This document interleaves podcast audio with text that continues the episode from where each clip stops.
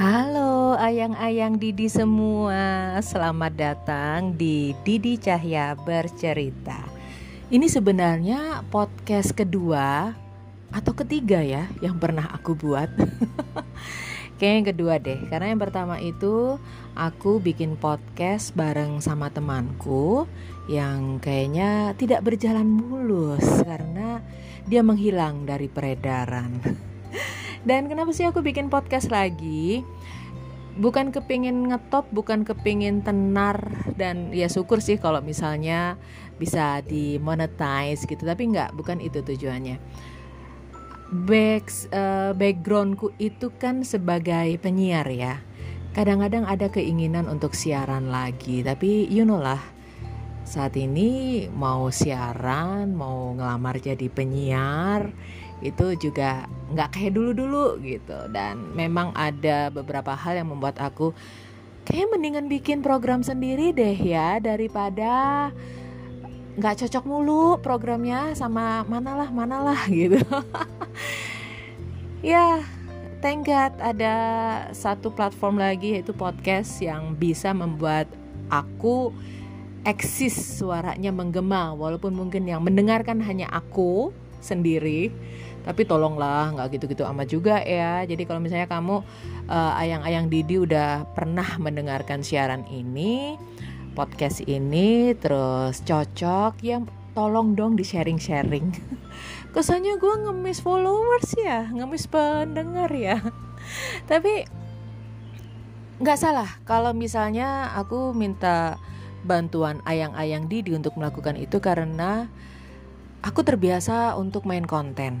Jadi podcast di sini bukan podcast yang hanya untuk membuat aku eksis, membuat aku tidak dilupakan orang, tapi memang sering terjadi ada cerita-cerita, ada pendapat-pendapat atau pemikiran-pemikiran yang sudah aku tuangkan di platform media sosial yang lain, entah itu Instagram, entah itu Facebook kalau blog aku juga lagi macet ya, makanya aku pilih ke podcast aja. Emang dasarnya aku orang auditif gitu yang semuanya pakai audio. Jadi ya ya udah ngepodcast aja.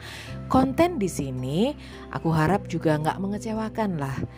Senin sampai Kamis ya memang tidak Senin sampai Kamis nonstop aku bakal posting ya. Semoga bisa, tapi paling nggak uh, ada slot-slot tertentu yang sudah aku atur Misalnya hari Senin, Senin aku namakan Senin random. Kenapa? Biasanya banyak hal yang terjadi dan tidak terduga di hari Senin karena itu memang benar-benar peralihan dari weekend ke weekday. Walaupun kita udah bikin schedule apa, walaupun kita sudah bikin planning apa, ada aja hal yang terjadi di hari Senin atau pikiran yang tiba-tiba muncul di hari Senin dan bisa berpengaruh pada hari-hari berikutnya dalam seminggu itu. Pernah ngerasain gitu gak sih? Ya kalau aku sih aku sih biasa aja dalam artian karena aku dulu orang event juga ya Sabtu Minggu tuh lebih banyak kerja jadi Senin tuh aku pilih libur. Nah karena libur biasanya overthinking. Kalau overthinking berarti otaknya random. Itu kenapa aku pilih Seninnya Senin random deh. Jadi aku bisa ngomongin makanan aku bisa ngomongin lalu lintas aku bisa menuangkan kekesalanku sama Mbak ART saking randomnya ya. Ya lihat aja deh Senin nanti akan ada banyak hal yang bisa aku bagikan. Lalu Selasa itu ada Selasa Asa. Aku bukan life coach, aku bukan psikiater, aku bukan psikolog, tapi aku adalah orang uh, mungkin sebagian orang bilang aku itu depression survivor penyintas depresi karena aku memang pernah mengalami fase depresi yang membuat aku akhirnya menjalankan terapi dan di coaching oleh teman-temanku. Nah, ini nanti aku akan sharing tentang hal-hal itu. Kenapa Selasa Asa? Karena sejatuh-jatuhnya kita kita tuh masih ada harapan kok. Ya aku ngomong kayak gini soalnya lagi waras gitu ya. Kalau misalnya lagi depresinya kumat juga nggak bisa ngomong kayak gini juga. Tapi di sini aku ingin berbagi. Jadi Selasa Asa itu tidak semata-mata tentang psikologi atau kondisi psikisku, tapi bisa juga mungkin aku akan menyampaikan tips-tips hubungan, relationship, tips-tips orang tua. Aku bukan orang tua ya karena aku nggak punya anak ya. Tapi mungkin aku ada kejadian di mall melihat anak dibentak orang tuanya terus aku biasanya aku tuh nulis gitu di di Facebook segala macam. Nah, itu mungkin akan aku bagikan di sini. Jadi selasa asa lebih kepada uh, konten yang berisi motivasi, mot, uh, bukan aku motivatornya enggak, bagaimana kejadian sehari-hari ini bisa kita jadikan motivasi gitu. Jadi lebih ke sana. Uh, life coach bolehlah seperti itu karena beberapa kali aku siaran dengan beberapa life coach dan juga beberapa sesi terapi pernah aku jalani. Mungkin itu yang nanti akan aku share ya. Terus ada juga Rabu Hallyu. Rabu Hallyu udah tau lah ya kalau Hallyu bawa-bawa Korea Selatan yang bikin halu. Ini aku tidak apa ya namanya bukannya mau bikin disclaimer di depan tapi saat K-wave, Korean wave atau Hallyu itu lagi mul dimulai gelombangnya sudah mulai terasa di Indonesia aku itu sebenarnya sudah mulai ikutan nonton drakor. Aku inget banget Full House itu siapa sih yang nggak nonton gitu ya? Kecuali lu masih bayi dan males lihat yang lama-lama. Itu aku nonton. Winter Sonata nggak terlalu melu terlalu menyakitkan. Terus Lovers in Paris uh, terus Baker King Kim Tak Gu. Nah itu tuh aku nonton jadi sebenarnya aku sudah sudah uh, bersinggungan dengan hal you ini cukup lama. Cuman karena kesibukan memang akhirnya aku nggak intens. Kok ya ada pandemi gitu. Jadi kebiasaan untuk drakor itu muncul lagi. Ditambah aku juga uh, ada teman beberapa waktu lalu tuh gini, di lu jangan drakor aja dicobain deh, lu masuk ke K-popnya. K-popnya juga fenomenanya itu juga asik untuk dikulik Uh, Oke, okay, baiklah. Nah, jadi nanti kalau uh, Rabu Hallyu itu bisa ngomongin drakor, bisa ngomongin K-pop, bisa ngomongin uh, kultur yang ada di Korea Selatan. Nanti kalau misalnya di Korea Utara juga ada yang bisa dikulik gitu ya nanti mungkin akan kita bicarakan.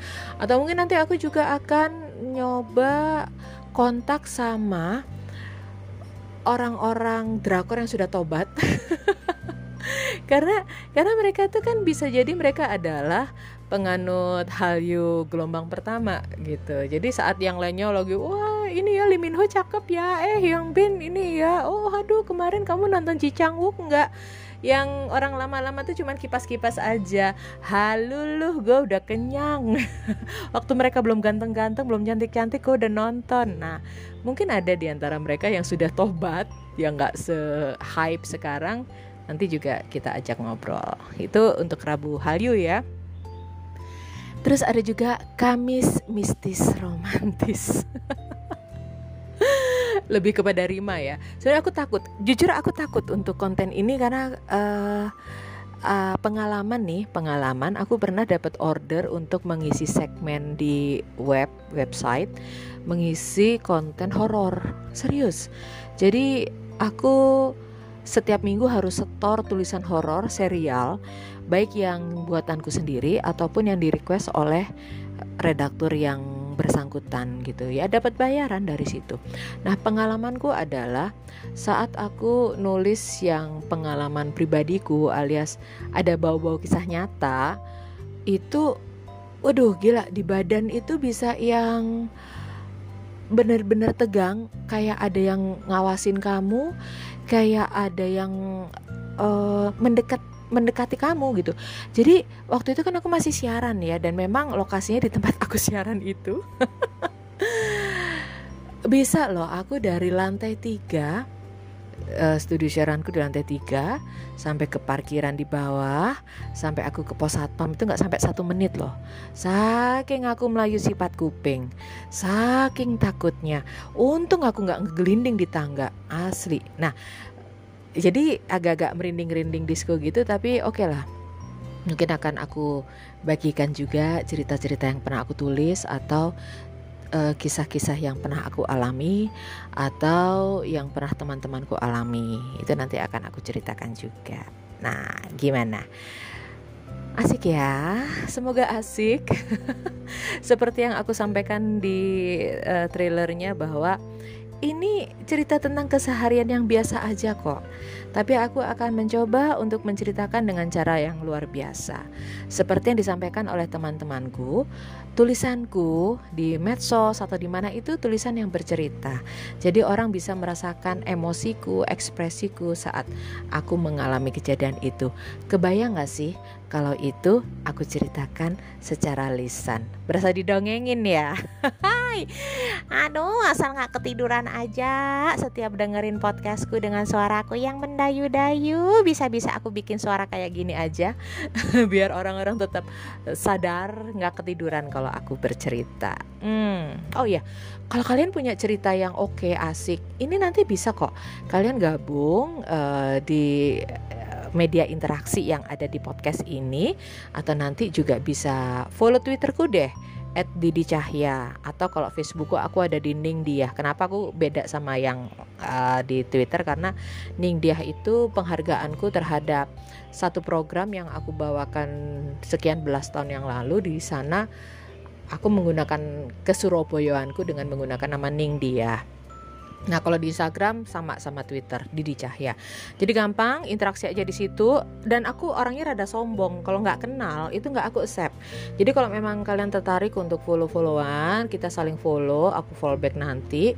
Uh, message aja, Hai Didi, aku yang mendengarkan podcastmu Didi Cahya bercerita.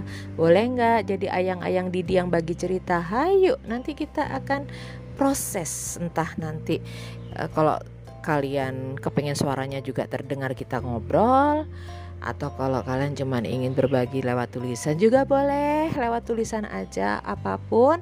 Yang penting ayo saling bercerita dalam Didi Cahya bercerita.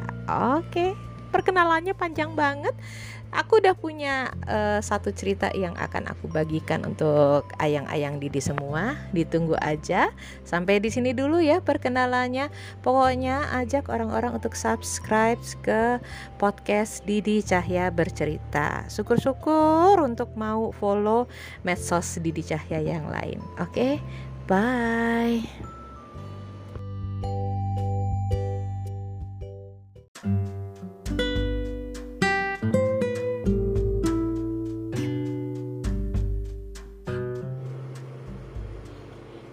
Halo ayang-ayang Didi, ketemu lagi di Didi Cahya bercerita.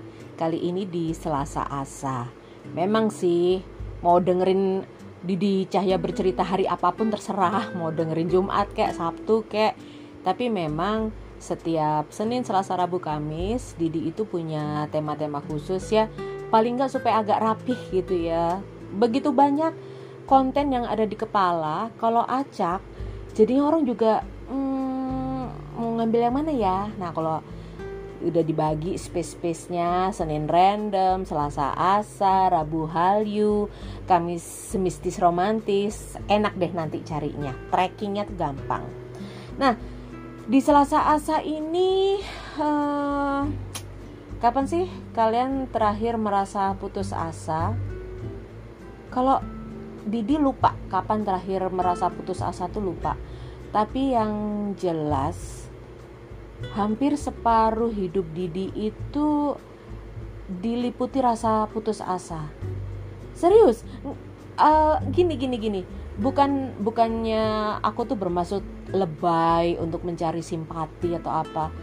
Enggak, tapi ternyata apa yang terjadi di masa lalu itu mempunyai kontribusi yang sangat besar terhadap kondisi psikis kita saat dewasa gitu. Jadi uh, sekali lagi disclaimer di depan aku tuh nggak nyalain siapa pun nggak nyalain orang tuaku nggak nyalain kakakku nggak nyalain siapa pun yang menyebabkan aku tuh sempat merasa depresi konsep diri rendah minderan segala macam.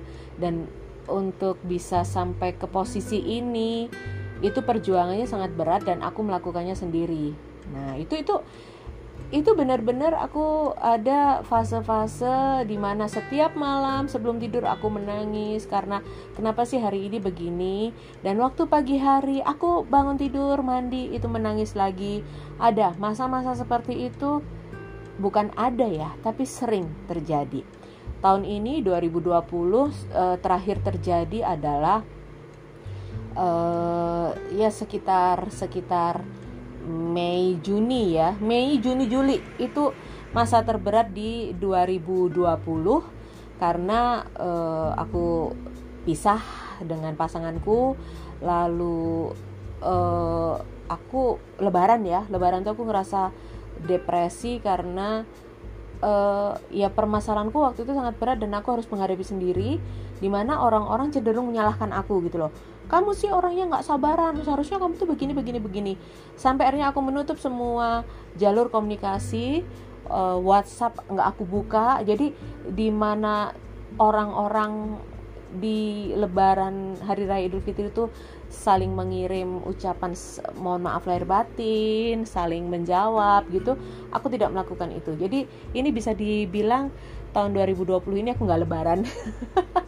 tidak tidak meminta maaf dan tidak memaafkan dalam artian uh, dalam bentuk ya yang seperti biasanya lah. Tapi untuk orang-orang yang deket ya aku masih ya mohon maaf lahir batin itu masih tapi nggak nggak semasif kemarin-kemarin. Dan uh, fase tergelap sebenarnya nggak tergelap juga ya tapi memang membuatku menangis berhari-hari itu adalah ketika 8 Juli sahabatku Ricky Samuel meninggal itu berhari-hari aku nangis. Jadi kebayang gak sih kamu buka galeri fotomu di handphone? Lebih banyak foto kamu bareng dia fotoku sama dia daripada fotoku dengan pasanganku. Itu kan sesuatu yang ih gila ya gue deket banget sama anak ini gitu. Jadi ya itu masa-masa gelap yang sangat sangat menekan aku di tahun 2020 nah semua itu diperparah dengan kondisi keuanganku yang benar-benar minus jadi terakhir aku bekerja dan menerima gaji itu kan Desember 2019 karena aku resign dari pekerjaanku sebagai penyiar part-time di Smart FM. Habis itu, aku menggunakan sebagian uangku dari project di tahun lalu bersama uh, ada satu lembaga gitu ada project lumayan dapatnya itu ya waktu aku dapat uang itu semua utang personal aku lunasin. Utang ke sini sini sini aku lunasin. Dan aku sempat beli freezer untuk produksinya Mbak Judas. Sudah fokus di situ. Terus ternyata pandemi. Di pandemi ini nggak ada apa ya ya nggak ada pemasukan rutin karena udah nggak kerja nggak ada project beberapa project itu batal. Jadi ada yang aku harus uh, supply lunchbox gitu batal. Ada project di Lombok batal. Di awal pandemi itu. Tapi masih masih bisa stabil lah karena waktu itu tabungan masih ada tabungan masih ada.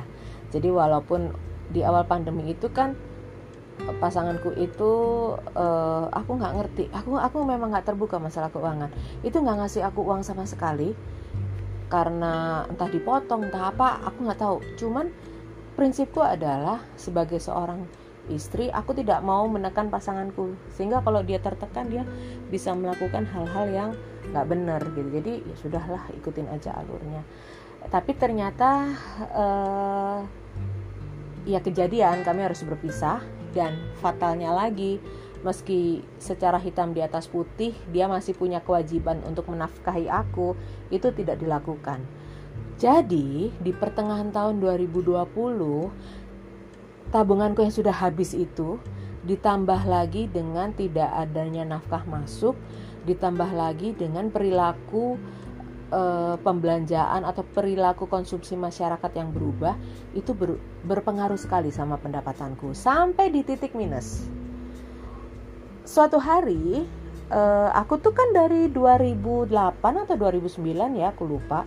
Aku tuh ikut koperasi wanita di di dekat rumahku dulu yang isinya ibu-ibu dan nenek-nenek serius serius jadi uh, kebayang gak sih aku yang yang oke okay lah dengan usia segini tapi tingkah lakuku masih sok kayak anak milenial gitu harus ketemu dengan ibu-ibu dan eyang-eyang putri yang ya seperti itu.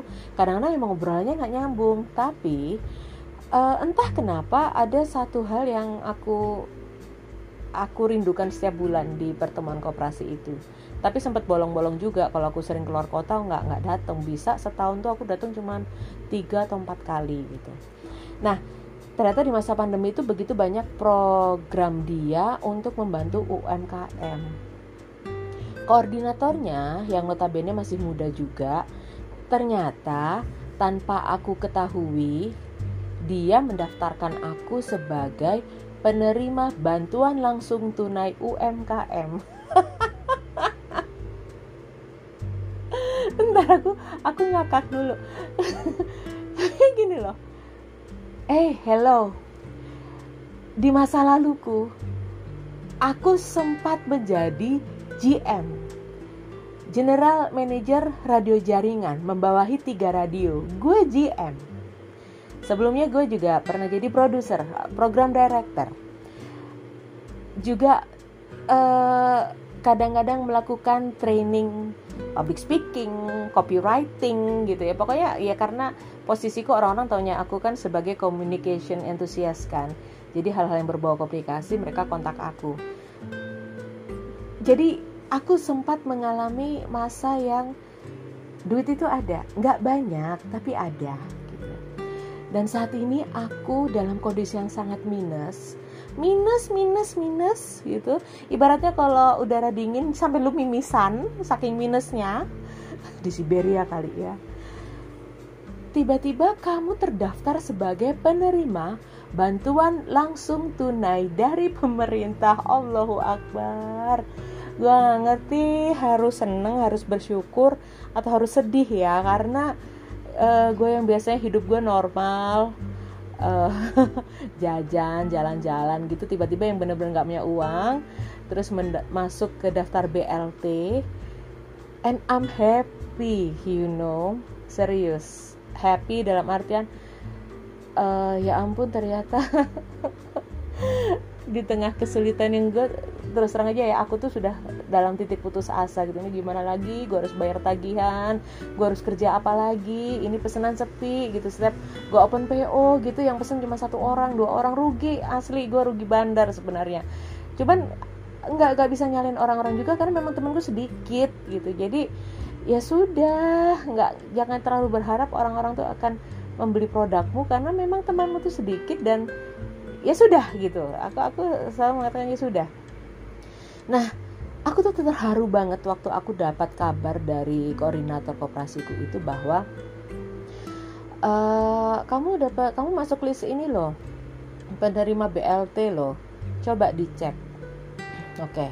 dan itu aku menunda-nunda terus. Menunda karena memang masih ada pesanan lah masih apalah. Dan dia selalu mengingatkan sudah dicek belum? Sudah di uh, sudah ke bank belum?